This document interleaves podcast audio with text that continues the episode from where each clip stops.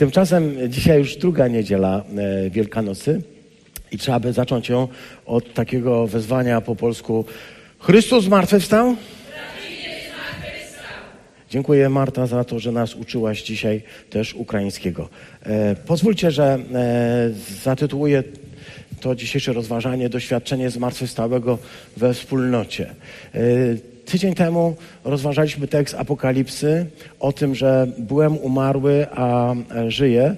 A dzisiaj chciałbym Was zaprosić do innego tekstu, e, do tekstu z Ewangelii Łukasza, do takiego bardzo podstawowego tekstu, e, zaskakująco podstawowego, ale myślę sobie, jesteśmy w oktawie Święta Wielkiej Nocy i pozostaniemy w niej przez jeszcze kilka, znaczy w oktawie, w Świętach Wielkiej Nocy jeszcze przez kilka następnych niedziel, bo jeszcze przed nami pięć niedziel Wielkanocy, żebyśmy wiedzieli, że Wielkanoc to nie jest tylko takie jedno wydarzonko i już idziemy dalej, to jest po prostu takie big wydarzenie takie z tych serii.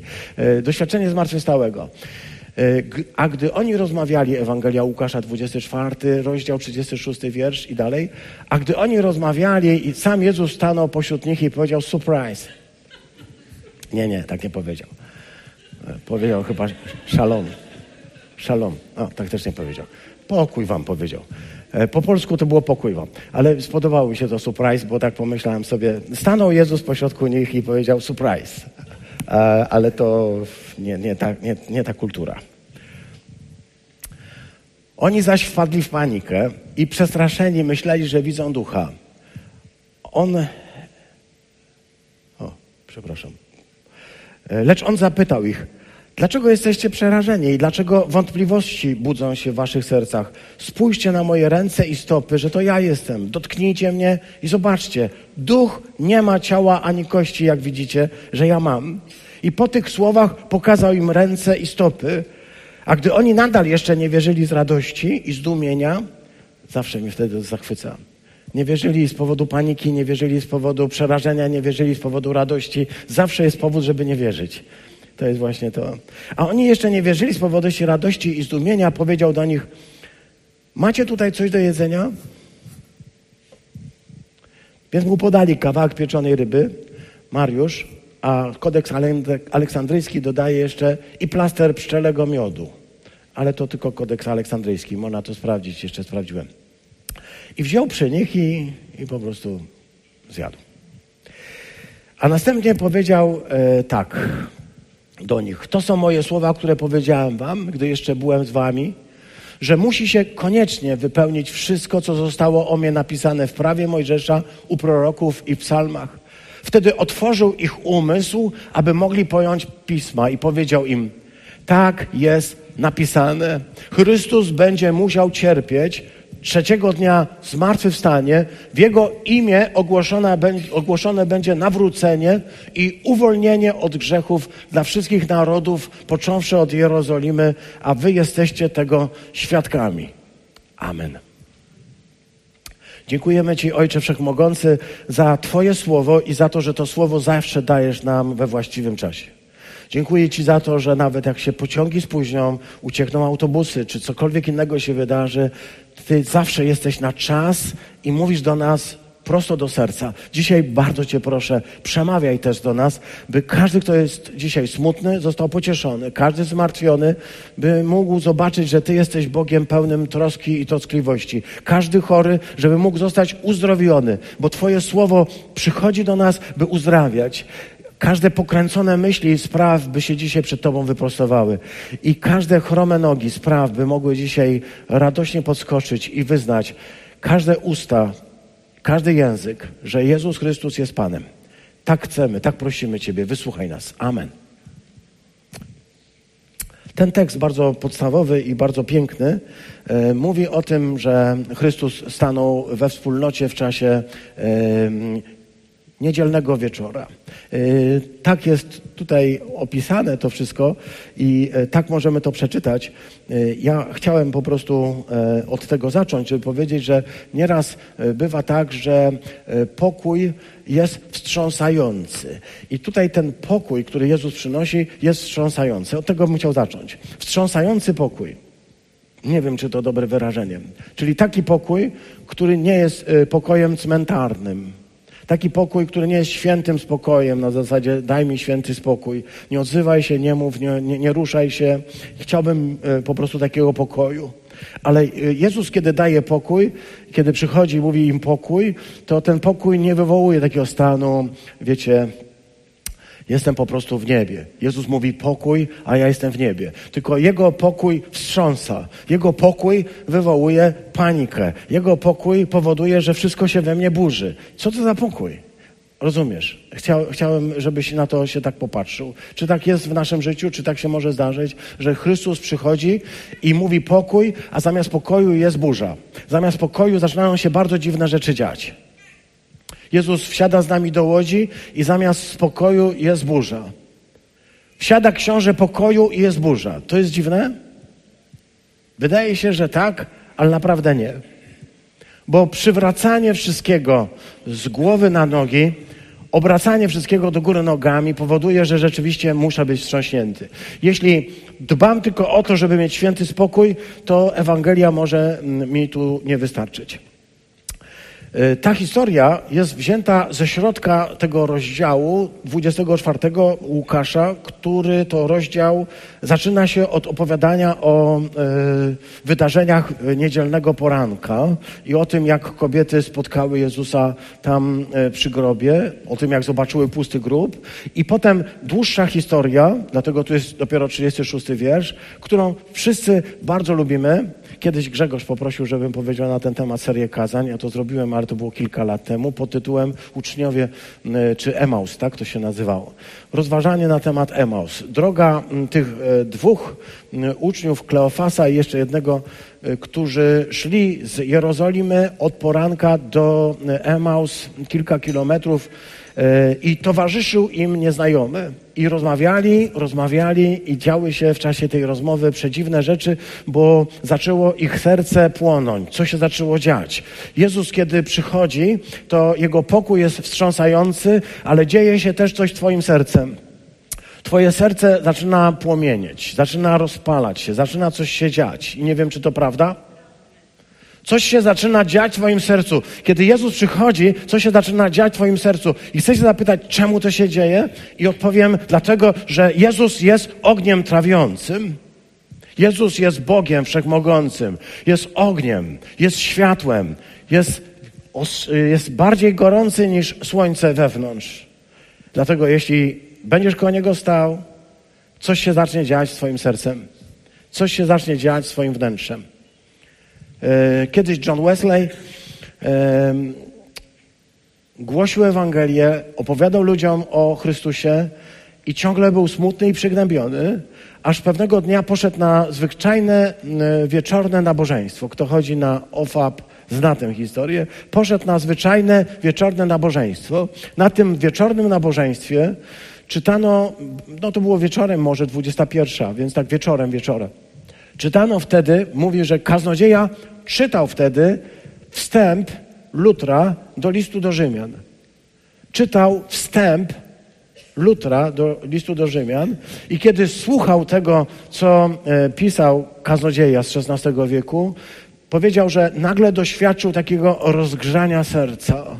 Rozgrzania serca, które spowodowało, że cały świat zapłonął w nim. Wszystko to, co do tej pory było tylko teorią, co znał, no bo czytał Biblię, co znał, bo był księdzem, bo był e, anglikańskim księdzem, bo był duchownym. Wszystko to, co do tej pory było tylko jakimś takim doświadczeniem ze słyszenia, nagle stało się jego udziałem i staje się dla nas dzisiaj takim świadkiem, bo on użył sformułowania rozgrzane serce. I bardzo mi się to podoba. To rozgrzane serce powoduje, że e, kiedy ci dwaj mm, usiedli z Jezusem, ci dwaj wędrujący do Emaus usiedli z Jezusem przy stole, czytamy, że po prostu e, łamali chleb. Kiedy on złamał chleb i odmówił błogosławieństwo, rozpoznali go. Rozpoznali i e, nie mogli sobie później podarować, że jak mogli iść z nim i nie wiedzieć? Jak mogli iść z nim i nie domyślać się, że ten stawiający przed nimi różne kwestie i opowiadający im o pismach, że to nie jest właśnie Jezus z Nazaretu. Bóg działa w bardzo różny sposób, bardzo dziwny, przez bardzo różnych ludzi. A e, historia zmartwychwstania to jest historia spotkań z Jezusem, którego się nie rozpoznaje. Więc e, czytamy, że kiedy już uświadomili sobie e, w te pędy e, z powrotem do Jerozolimy, tak tutaj sobie czytamy, wstali i e, szybciuśko o tej samej godzinie wrócili do Jerozolimy. Nie wiem, ile tam było kilometrów, bo powiem szczerze, są różne emausy, ale pewnie pobiegli szybciej niż Andrzej w półmaratonie. To jest coś takiego, nie wiem, czy możemy tak powiedzieć, ale do wspólnoty, w której jest żywy Chrystus, człowiek nie idzie. Człowiek pędzi. Człowiek biegnie. Człowiek chce być. Być może tak macie. Okej, okay, okej. Okay. Myślałem, że zasnęli. Myślałem, że zasnęli. Nie, być może tak macie. Ma, Maciek. Być może. Ponieważ e, tak, oni, wiesz, po prostu wyruszyli w jednej godzinie pokonali jakiś dystans kilku mil. To było praktycznie niemożliwe. A jednak tak zrobili. Y, I jak zadajemy sobie pytanie, czemu tak zrobili, co się stało, co spowodowało, że wieczorkiem, kiedy człowiek by chciał sobie usiąść i odpocząć po trudnym dniu i wielu wydarzeniach, oni po prostu biorą nogi za pas i biegną do Jerozolimy. Jakbyśmy zapytali, co było powodem, odpowiadamy Ewangelia. Powodem jest to, że doświadczyli Chrystusa zmartwychwstałego i musieli pobiec, żeby opowiadać o tym. Musieli pobiec, żeby powiedzieć y, zgromadzonym jedenastu, że spotkali Jezusa i oni mówili, Pan rzeczywiście został zbudzony z martwych. Y, Chrystus zmartwychwstał, rzeczywiście zmartwychwstał. To, kiedy mówimy rzeczywiście zmartwychwstał, to jest właśnie stąd. Pan rzeczywiście zmartwychwstał i Pan ukazał się też Szymonowi, mówią. Czym jest ta wspólnota w wieczerniku zebrana, w tej izbie, e, o której mówimy tutaj? Czym jest ta wspólnota? Jest wspólnotą ludzi, którzy mają doświadczenie zmartwychwstałego, choć nie wszyscy. Dwaj idący do Emaus i Szymon. E, gdybyśmy popatrzyli na Ewangelię Mateusza, e, to w niej ta historia E, mówi tak, że mm, spotyka Jezus niewiasty, kobiety będące przy grobie, możemy sobie to wyobrazić, kobiety stojące przy grobie, rozpaczające, zaskoczone, zdziwione, tam też panika, no bo miał być grób pełen Chrystusa, jest grób pusty i nie wiedzą, co zrobić. I spotyka ich Chrystus i mówi do nich, idźcie szybko, powiedzcie Jego uczniom, że powstał z martwych i oto poprzedza was do Galilei. I tak powiedzieli ci, a może nie Chrystus, tak powiedzieli aniołowie. E, możemy też e, zwrócić uwagę jeszcze na jeden tekst, moim zdaniem przepiękny, to jest tekst Ewangelii Jana. To jest tekst o Marii z Magdali, Marii Magdalenie. Jezus powiedział do Marii tak, nie zatrzymuj mnie, bo jeszcze nie wstąpiłem do Ojca. Idź raczej do moich braci i powiedz im, wstępuję do Ojca mojego i do Ojca waszego, do Boga mojego, do Boga waszego. Poszła więc Maria Magdalena i uczniom to wszystko opowiedziała. E, jeszcze jeden tekst. Kiedy Paweł spotkał Jezusa e, pod Damaszkiem, Jezus powiedział do niego tak, Jezus powiedział do Saula, wstań i idź do miasta, tam ci powiedzą, co masz czynić. I podniósł się Saul z ziemi, gdy otworzył swoje oczy, okazało się, że ma zamknięte, e, bo nic nie widzi. Prowadząc go za rękę, zaprowadzili go do Damaszku i przez trzy dni nic nie widział, nie jadł, nie pił. Był natomiast w Damaszku pewien uczeń o imieniu Ananiasz i zaczyna się historia e, ucznia Ananiasza, który otrzymał od Pana Boga takie polecenie, idź do, e, na ulicę prostą i, i spotkaj się tam z Saulem. I on mówi, ale ty nie wiesz, kto to jest Saul. Przypomina mi się wtedy ta historia, którą opowiadają w zborach. Jak pewna siostra się modliła i mówiła, tak, Panie Boże, żebyś Ty wiedział, co ja wiem. Panie Boże, Ty nie wiesz, co to jest Saul. Ty go nie znasz. Ty nie wiesz, co on potrafi robić ludziom. Ty nie wiesz, jaki to jest podstępny człowiek i co on zamierza zrobić. Ale Pan Bóg go przekonał. Bogu dzięki, że Bóg nas przekonuje, że inni ludzie wierzący w Chrystusa to też bracia. Ostatnio miałem takie doświadczenie i muszę o tym powiedzieć, tak króciuśko i szybciuśko, ale muszę to powiedzieć. Wiecie, e, każdy z nas ma e, pewną swoją drogę za Bogiem. To jest bardzo ważne. Każdego z nas Bóg w jakiś sposób prowadzi. I naprawdę chyba największym nieszczęściem chrześcijaństwa, jeśli tak mogę powiedzieć, jest to, że my tak się patrzymy na drogę innych i myślimy sobie, że y, tylko nas Bóg prowadzi. Patrzymy się na drogę innych i myślimy sobie tak, on nie chodzi z Chrystusem tak jak ja. On nie słucha Chrystusa tak jak ja. On się nie modli do Chrystusa tak jak ja. On, dla niego Chrystus nie jest tak ważny jak dla mnie. I chcę się zapytać, zapytać siebie, zapytać was, siostry, bracia, czemu my to robimy? Czemu my to robimy? Czemu my w kółko myślimy o tym, że jak ktoś nie chodzi z nami, jak ktoś nie jest taki jak my, jak ktoś nie chodzi tutaj, czy do tego kościoła, czy do tamtego kościoła, do tego kościółka, czy do tamtej wspólnoty, czy gdziekolwiek indziej, to on już nie jest Chrystusowy? Czemu tak robimy? Przecież każdy z nas e, może służyć Chrystusowi tak, jak tylko potrafi najlepiej, bez osądzania innych. Ale tak trudno nam jest bez osądzania innych to robić. Czy jesteśmy w stanie się wznieść? Chcę się Was zapytać. Czy jesteśmy w stanie? Czy powinniśmy się wznieść? Czy powinniśmy nie przyłączać się do ludzi, którzy narzekają na innych chrześcijan i mówią, a ci to to wiesz, a ten to nie, ten to nie umie, ten to nie potrafi, ten to jest zły. Niech każdy służy Chrystusowi tak, jak chce.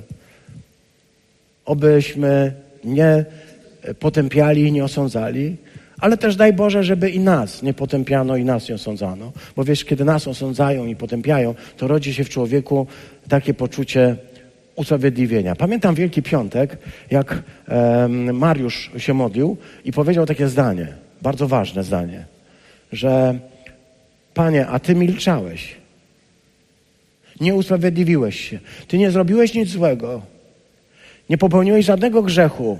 Nie zrobiłeś nic takiego, za co musiałbyś się tłumaczyć, więc y, gdybyś, gdyby ci mówili, że zgrzeszyłeś, że zrobiłeś coś złego, mogłeś stanąć i powiedzieć nieprawda.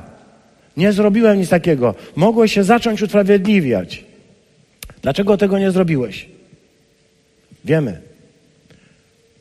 Bo przyjąłeś to wszystko na siebie bo nie chciałeś zrzucić odpowiedzialności. Myślę, że nam tego brakuje. Wróćmy do naszych tekstów. Chcę, mm, żebyśmy popatrzyli się jeszcze raz. Co jest cechą charakterystyczną tego, co czytaliśmy? Tych dwóch idących do Emaus, Szymona, który się nagle znajduje razem z jedenastoma, tych kobiet, które przyszły powiedzieć, tej Marii Magdaleny, która przyszła, Pawła pod Damaszkiem, który e, poszedł e, do, do tej wspólnoty. Co jest cechą wspólną? Co jest takim wyróżnikiem, który y, możemy powiedzieć jest jakimś wspólnym mianownikiem tych wszystkich wydarzeń? Dobrze myślicie. Dokładnie tak. Nieraz tak studentom mówię. Dokładnie tak. Tylko proszę werbalniej. Dokładnie tak. Cechą wspólną jest to, że doświadczenie zmartwychwstałego prowadzi nas zawsze do wspólnoty. Jeśli doświadczyłeś spotkania ze zmartwychwstałym, to nie jest tak, że siedzisz sobie teraz w kąciku i myślisz sobie, a ja to mam. A oni nie, oni tam, ble, ble, ja to mam. Jeśli coś takiego rodzi się w twoim sercu, to chcę powiedzieć, nie spotkałeś się ze zmartwychwstałym. Z własną pychą i własnym E, brakiem e, pokory się spotykasz, jeśli myślisz, e, że to jest w ogóle cokolwiek. Tak? Bo jeśli rzeczywiście Duch Boży poprowadził Ciebie, spotkałeś Chrystusa, to cechą, która będzie Cię wyróżniać, będzie to, że musisz się spotkać we wspólnocie. Zobaczcie, że oni nie są powołani, to, to mnie zaskakuje. Zobaczcie, że oni nie są powołani, by iść i opowiadać o tym ludziom na zewnątrz. Zobaczcie, że oni nie mają czegoś takiego. Wszyscy ci, którzy tutaj, których tutaj czytaliśmy, nie mają czegoś takiego, że mają teraz iść i opowiadać o tym ludziom. Co mają zrobić? Iść do swoich. Jezus mówi, aniołowie mówią, e, y, Jezus do, do, do Saula, Jezus do Marii Magdaleny, mówi, idź do moich braci. To y, naj, najpełniej to, to powie właśnie ten tekst, który muszę przywołać. Ten tekst y, y, z Marią Magdaleną. Nie, nie zatrzymuj mnie, nie zatrzymuj mnie, raczej idź do moich braci i powiedz im. Y, raz jeden, Jezus chyba tak mówi, nie wiem, może, y, może by trzeba było przeczytać więcej y, tekstów, ale ja chcę powiedzieć, chyba raz jeden. Jezus mówi do nas, do nas, do swoich przyjaciół, mówi, idź do moich braci. Mnie to rozczula. Mnie to rozczula, ponieważ jacy z nich bracia. Tchórze, nie bracia. Jakie z nich siostry? Co to za wspólnota? Ten się zaparł, tamten uciekł, tamten go zdradził. Co to za wspólnota? Jezus nie, nie powiedział, idź do nich i powiedz im. To byłoby też ładnie. Powiedz im, że mają się przygotować, przyjdę. Jak mama z wywiadówki. Ty, Karolina, nie wiesz, o czym mówię. Jak mama z wywiadówki. Ona wróci. Wiedziałem, zawsze wróciła. Po każdej wywiadówce wróciła. No dobrze. Idź powiedz im, że do nich przyjdę. I wiesz, co będzie. Wiesz, co będzie, jak do nich wrócę. Nie. Powiedział, idź do moich braci. I to jest cudowna wieść. Jezus spotyka się z nami, wiecie, nie dlatego, że jesteśmy doskonali. Nie dlatego, że jesteś bez wad, za to, że jesteś cudowny, cudowna, za to, że jesteś wspaniały, wspaniała. Nie dlatego, że jesteś człowiekiem, który we wszystkim odpowiada Jego normom i Jego zasadom. Ten Kościół jest dla nas nadzieją. Ten, to spotkanie wspólnoty apostołów jest dla nas nadzieją, ponieważ to jest spotkanie ludzi, którzy zawiedli. Nie wiem, czy to można wyraźnie powiedzieć. Nie wiem, czy się zgodzicie. Oni zawiedli w każdym miejscu. Oni mieli poczucie, że zawiedli, oni płakali z powodu, że zawiedli, oni się czuli fatalnie, bo zawiedli, czuli, że w przyjaźni okazali się zbyt słabi i żyliby do końca życia z poczuciem, że po prostu e, nie stanęli w obronie jedynego sprawiedliwego człowieka, że wtedy, kiedy trzeba było naprawdę stanąć i powiedzieć, ten człowiek jest niewinny, nie możecie go tknąć. Oni w tym momencie zawiedli i wiem, że e, by do końca życia mieli to poczucie, że lepiej było wtedy stanąć i, i dostać e, nawet wyrok śmierci, ale żebym nie miał poczucia, że zawiodłem jedynego człowieka, który był dla mnie nadzieją, który był moją miłością, który był bez grzechu, który był czysty, święty, bo naprawdę no, strasznie mi przykro. Mogłem zawieść wszystkich, ale nie jego. Czy można powiedzieć, że podoba mi się to? A jednak podoba mi się, że Chrystus idzie do ludzi, którzy zawiedli. I mówi do nich surprise. I mówi do nich to są moi bracia. Takich mam braci. A jak mówią, rodziny się nie wybiera. Mógłbym zapytać kogoś, znaczy was zapytać, kto jest bez grzechu? Uff, się zlękłem troszkę. Bałem się, że ktoś podniesie rękę.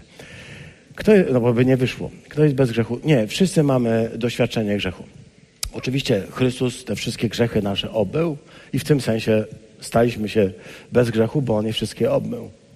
A jednocześnie ciągle któryś się nam znowu przykleja i znowu potrzebujemy, żeby nas oczyścił.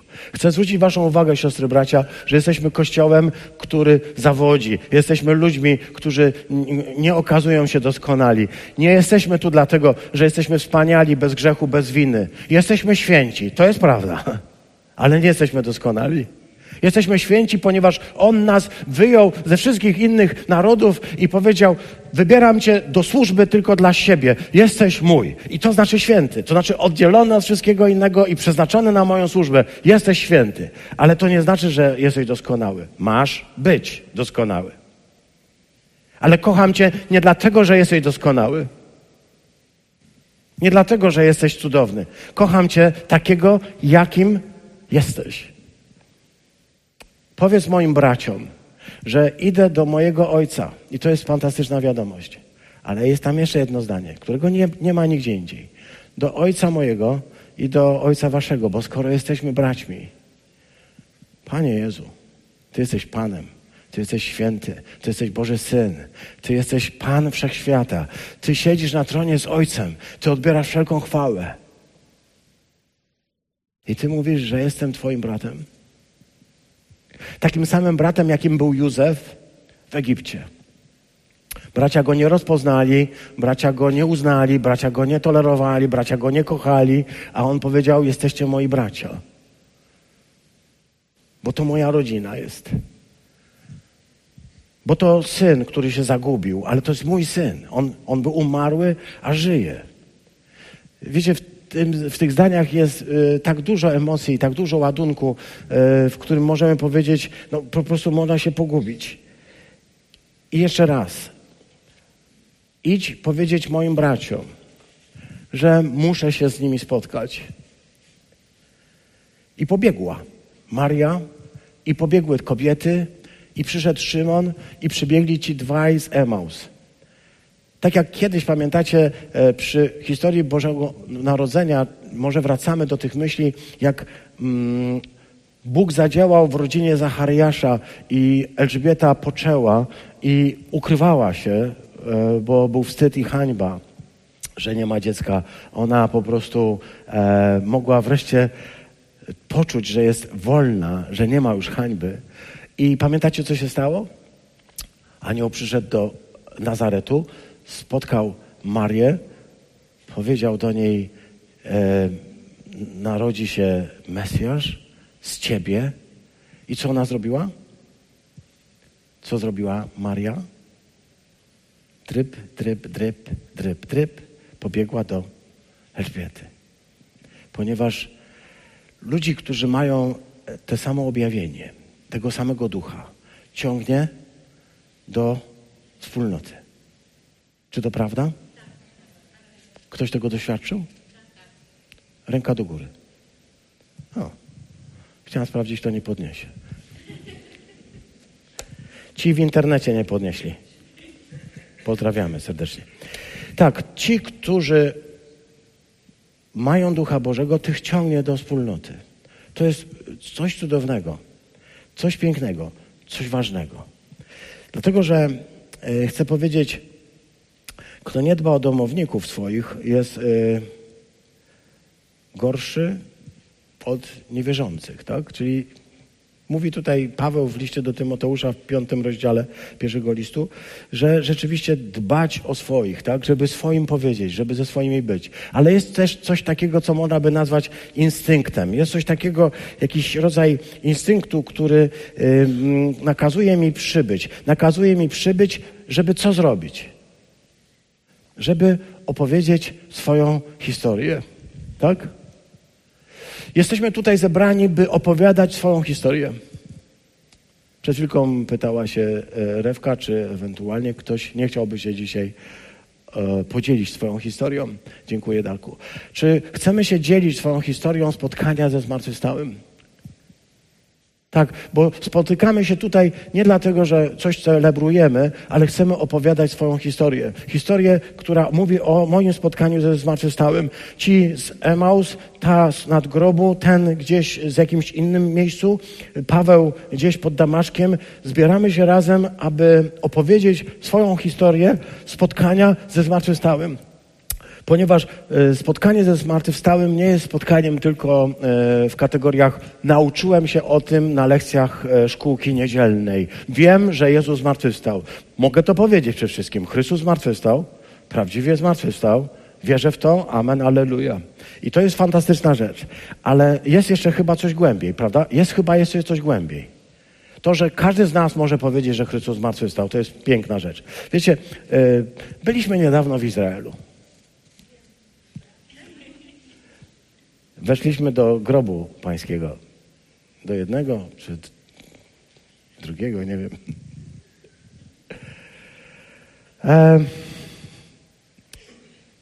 Wiecie, tam wchodzi bardzo wielu ludzi. Można wejść do pustego grobu jako niewierzący i wyjść z pustego grobu jako niewierzący? Można? Można wejść do pustego grobu jako niewierzący i wyjść z pustego grobu jako niewierzący, rozłożyć ręce i powiedzieć: No i co? No i nic. Nie ma. No. Chcę powiedzieć Wam, że pusty grób z nikogo nie zrobi chrześcijanina. Pusty grób może być takim gwoździem, który będzie nas w intelekcie troszkę męczył.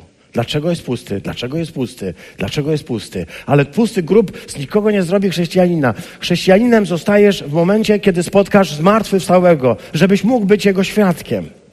Spotkanie ze zmartwychwstałym, który rozgrzeje twoje serce i spowoduje, że wszystko stanie się nowe.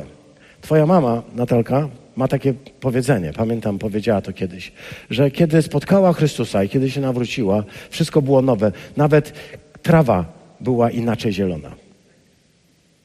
Prawda? Nawet trawa miała inny odcień zieleni. Tego można nie zrozumieć. Ta trawa była taka sama zielona przed, jak i po. Ja chcę powiedzieć, roz, rozumiem, co to znaczy, że nawet trawa inaczej była zielona, nawet kwiaty zaczęły inaczej pachnieć, nawet ptaki zaczęły inaczej śpiewać. Po prostu wszystko się zmieniło, bo skaldowie mówią, ktoś mnie pokochał. Świat nagle zawirował. Wszystko się zmieniło. I taka jest prawda, bo nie zmienia nas pusty grób. Można wejść, zobaczyć, wyjść i dalej być niewierzącym. Gdyby wszyscy, którzy wchodzą do tego grobu, wychodzili jako wierzący, to byłoby najcenniejsze miejsce na świecie. Ale ludzie tam wchodzą i tacy jak weszli, tacy wychodzą. Pusty grób może wywołać refleksję. Pusty grób może spowodować, że zacznę myśleć.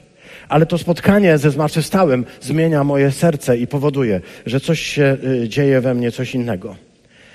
Potrzebujemy tego spotkania. Jezus o tym wie. Dlatego, e, kiedy przyszli, kiedy spotkali się, e, stanął przed nich, przed nimi i powiedział pokój wam, ten wstrząsający pokój, który wywołał panikę, który wywołał przestrach, który spowodował, że, wiesz, wyobraź sobie przez chwilkę, jak musieli wyglądać apostołowie, którzy sobie siedzieli i myśleli i nagle przed nimi stoi żyjący Chrystus. Da, da, da, da, na zasadzie takiej, stanął przed nimi. Po prostu panika, przestrach, zdziwienie, zaskoczenie, chęć ucieczki. Pierwsza rzecz. Aż się o nogi można było poprzewracać. Wiesz, tak to mogło wyglądać. Przepraszam, nie chcę tego nadużywać, ale chcę powiedzieć, wpadli w panikę. Tak mówi ten tekst. Myśleli, że widzą ducha. A on mówi do nich, czego jesteście przerażeni. I ten rodzaj dowcipu bardzo mi się podoba. Przyszedł do nich zmartwychwstały Chrystus. Oni wiedzą, że On zmarł. Widzieli Go ukrzyżowanego, strasznie ubiczowanego, strasznie umęczonego. Widzieli Go w najgorszej możliwej postaci, jaką można zrobić człowiekowi, wieszając Go na krzyżu. A On sobie stoi przed nimi i mówi, no, czemu jesteście przerażeni? Co, co, co takiego zaskakującego? Co dziwnego? No, co ty żyje, nie? Wiesz, to jest poczucie humoru. Nie wiem, czy to czujesz. Dlaczego jesteście przerażeni? Dlaczego macie jakieś wątpliwości? E, mówi, spójrzcie na moje ręce, na moje stopy, że to ja jestem. E, ten tekst jest dla mnie przeważny. Ja mogę o nim mówić i wciąż do niego wracać. Wciąż do niego wracać. Trochę myślę sobie, brakuje mi większych opisów um, zmartwychwstania Chrystusa. Brakuje mi w Ewangeliach większych opisów. Ale ten opis ma coś w sobie, taki ładunek, że nie wiem, mogę do niego wciąż i wciąż wracać. On mówi do nich tak, spójrzcie na moje ręce i, i stopy. Wiesz, po czym poznajesz drugiego człowieka? Możesz poznać po twarzy. Możesz poznać po głosie Możesz poznać po tym, jak idzie. Może, możesz poznać po tym, jak się rusza. Tak? Tak poznajemy. Oni znali Chrystusa, znali Jego twarz, mieli ją wypisaną e, w swoich oczach, widzieli Go, chodzili z Nim, słyszeli Go, Jego głos, Jego tembr głosu, e, Jego e, charakterystyczne cechy, kiedy mówił. Być może nie mówił chodź, tylko chodź, albo jakoś inaczej, bo był z Galilei, wiecie, oni tam troszkę inaczej mówią, nie taką poprawną polszczyzną, jak my tu we Fromborku. Musiałem to powiedzieć. To słowo. Nie poznali go po twarzy. Ci z dwaj z Emaus też nie poznali go po twarzy. Nie poznali po głosie, nie poznali po oczach, po chodzie, chociaż każdy człowiek ma taki specyficzny rodzaj chodu, że nawet jak twarzy nie widzisz, a widzisz postać, to możesz wiedzieć, że to idzie, tak? Bo to są pewne cechy wspólne. Poznali go po ranach, na, ręca, na rękach, na ręce, na rękach, na rękach i na stopach. Spójrzcie na moje ręce i stopy.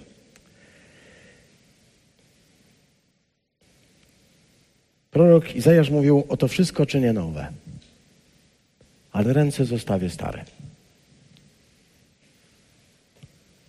O to wszystko czynię nowe. Zobacz, dobrze, że e, zostały mu na rękach te ślady. Dobrze, że mu zostały na stopach te ślady. Dobrze, że ma na boku ten ślad. Dobrze, że ma te ślady. Dlaczego? Bo one świadczą o tym, że on jest prawdziwy. Ja mogę o tym mówić wciąż. Bo poznajemy go po ranach. Ale dzisiaj chcę powiedzieć coś jeszcze. Coś jeszcze, coś dla mnie bardzo osobistego. Chcę powiedzieć, że jesteśmy Jego ciałem. My jesteśmy Jego ciałem. Jako Kościół. Nie oddzielnie, ale każdy z nas, jako wspólnota, jesteśmy Jego ciałem. I jako Jego ciało jesteśmy też zranieni. Nasi bracia cierpią. Dzisiaj niektórzy są wydawani na śmierć. Wiemy, że są kamieniowani, że są mordowani. Wiemy, że wciąż i wciąż dzieją się straszne rzeczy tylko dlatego, że są wyznawcami Chrystusa. Bez względu na to, do jakiego kościoła należą, są znienawidzeni z powodu imienia Chrystusa. Są mordowani ale my też. Ty też jesteś osobą, która ma swoje zranienia. I te zranienia są charakterystyczne dla ciebie. Nie jesteśmy kościołem, nie jesteśmy ciałem uwielbionego Chrystusa, tylko ciągle ciałem pielgrzymującym. Dlatego na naszych ranach, na naszych stopach i na naszych dłoniach też są rany.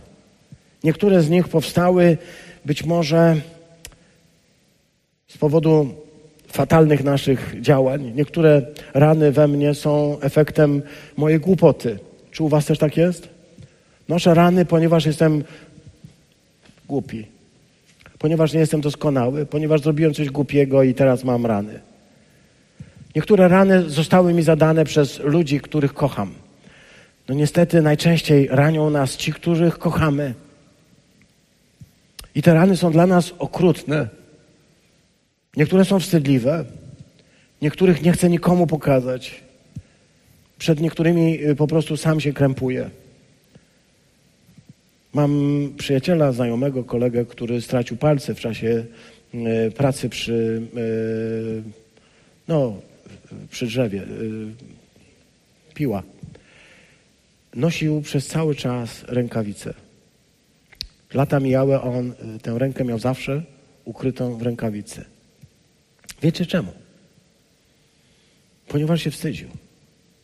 Ponieważ nie chciał pokazywać swojej dłoni. Ponieważ było mu głupio, że ma podać komuś rękę, a nie ma, nie ma palców. Niektórzy przyjmują to bez problemu, od, radzą sobie. Ktoś, kto stracił coś tak cennego jak Ania, myślę, że może czuć się dotknięty, prawda?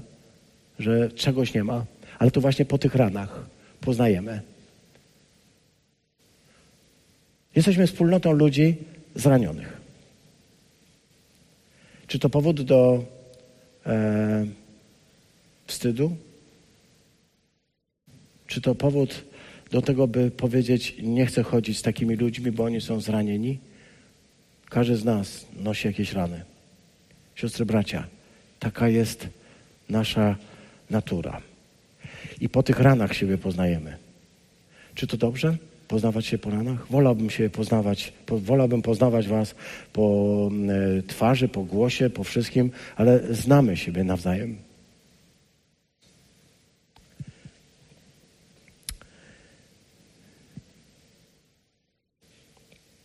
Te rany często zadajemy sami, często są nam zadane, mówię, często są nam zadane przez ludzi, których kochamy.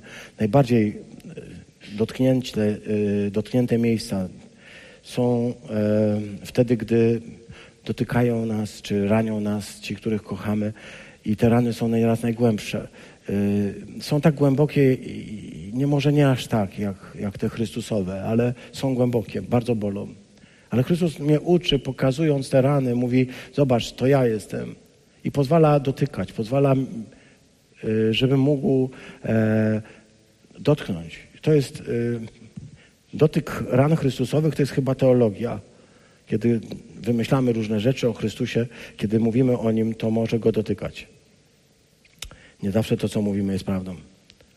On mówi: dotknij mnie, sprawdź, zobacz. Spotkanie z Panem mm, we wspólnocie. To jest bardzo ważne, żebyśmy mieli świadomość, że jesteśmy zranieni, że możemy te rany chować i kryć, albo pozwolić, by one e, też były w jakiś sposób uleczone przez Chrystusa, bo ja nie myślę, że Jezus chodził z ranami, które go bolały. Te rany pozostały w nim jako ślad Jego miłowania. W tych ranach znajdujemy nasze uzdrowienie. Jesteśmy zapisani w tych ranach. Na swoich dłoniach Cię wypiszę, mówi Pan. To jest właśnie Twoje imię, które w tych ranach jest wypisane. Ale to nie jest tak, że jak go dotyka, dotyka się tej rany, to go boli i mówi wow. To jest tak, że ta rana jest uzdrowiona, bo ta rana jest uleczona. I On chce Twoje rany także leczyć. Jak je będziesz chował głęboko trzymał gdzieś y, przez cały czas daleko od Niego, to ciągle będą przestrzenie, będzie Ci po prostu e, coś nie tak. Czy mm, spotkanie z Panem we wspólnocie to nie jest zbyt piękne, żeby było prawdziwe, ale czy to jest prawda? Spotkać go we wspólnocie. Zobaczcie, zawsze we wspólnocie. We wspólnocie, we wspólnocie, we wspólnocie. Jeśli ktoś zaczyna mieć taką tendencję uciekania od wspólnoty, chowania się przed wspólnotą, szukania czegoś innego, mówienia, że ona jest niedoskonała, to wiedz, że zaczyna działać w tobie coś, co nie jest z Ducha Bożego. Czy tak mogę powiedzieć, czy to za mocno? Chyba dobrze jest. Jeśli zaczynasz uciekać zaczynasz myśleć sobie, że ta wspólnota jest niedoskonała, w niej się coś tam nie pojawia, i przejawia i tak dalej, w tej wspólnocie jest Jezus Chrystus. Jeśli nie będziemy osądzać innych i nie będziemy y, y, jakby uważać, że tylko my mamy y, Chrystusa, to wiemy, że On będzie pomiędzy nami.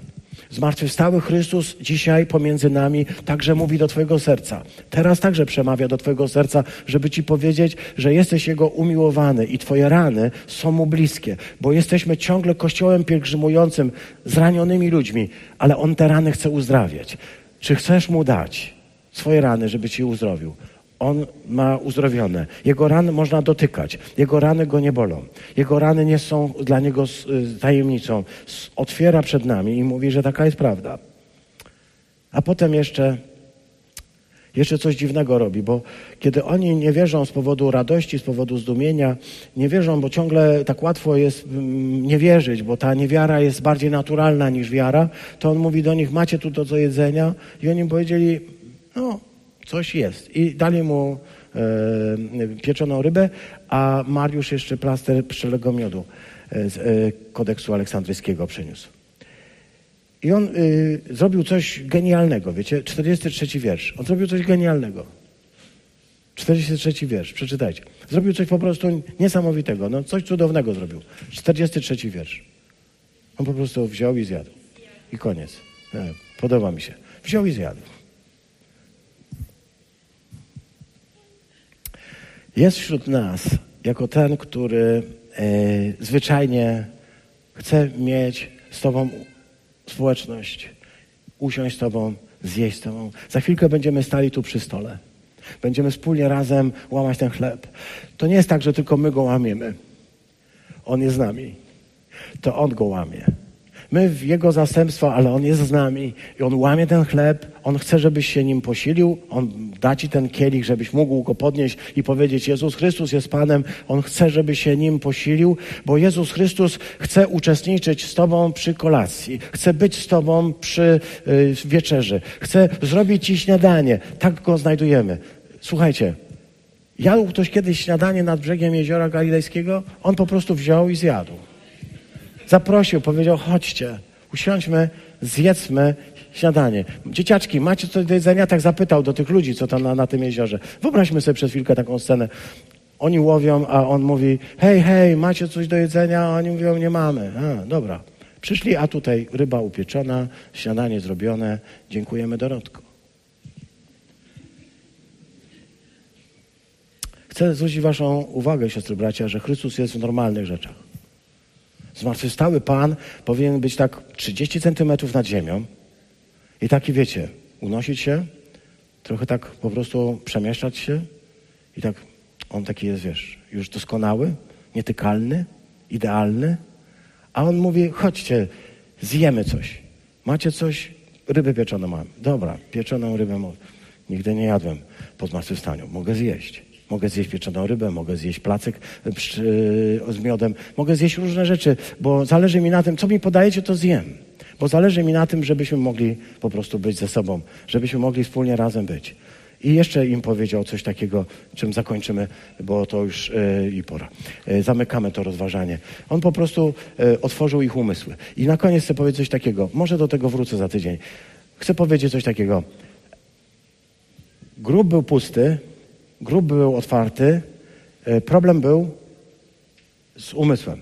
Grób otwarty, umysł zamknięty. Mieli pozamykane myśli. Ich myśli, ich głowy były mocno pozamykane. Grób był pusty, a głowy pozamykane. Amen.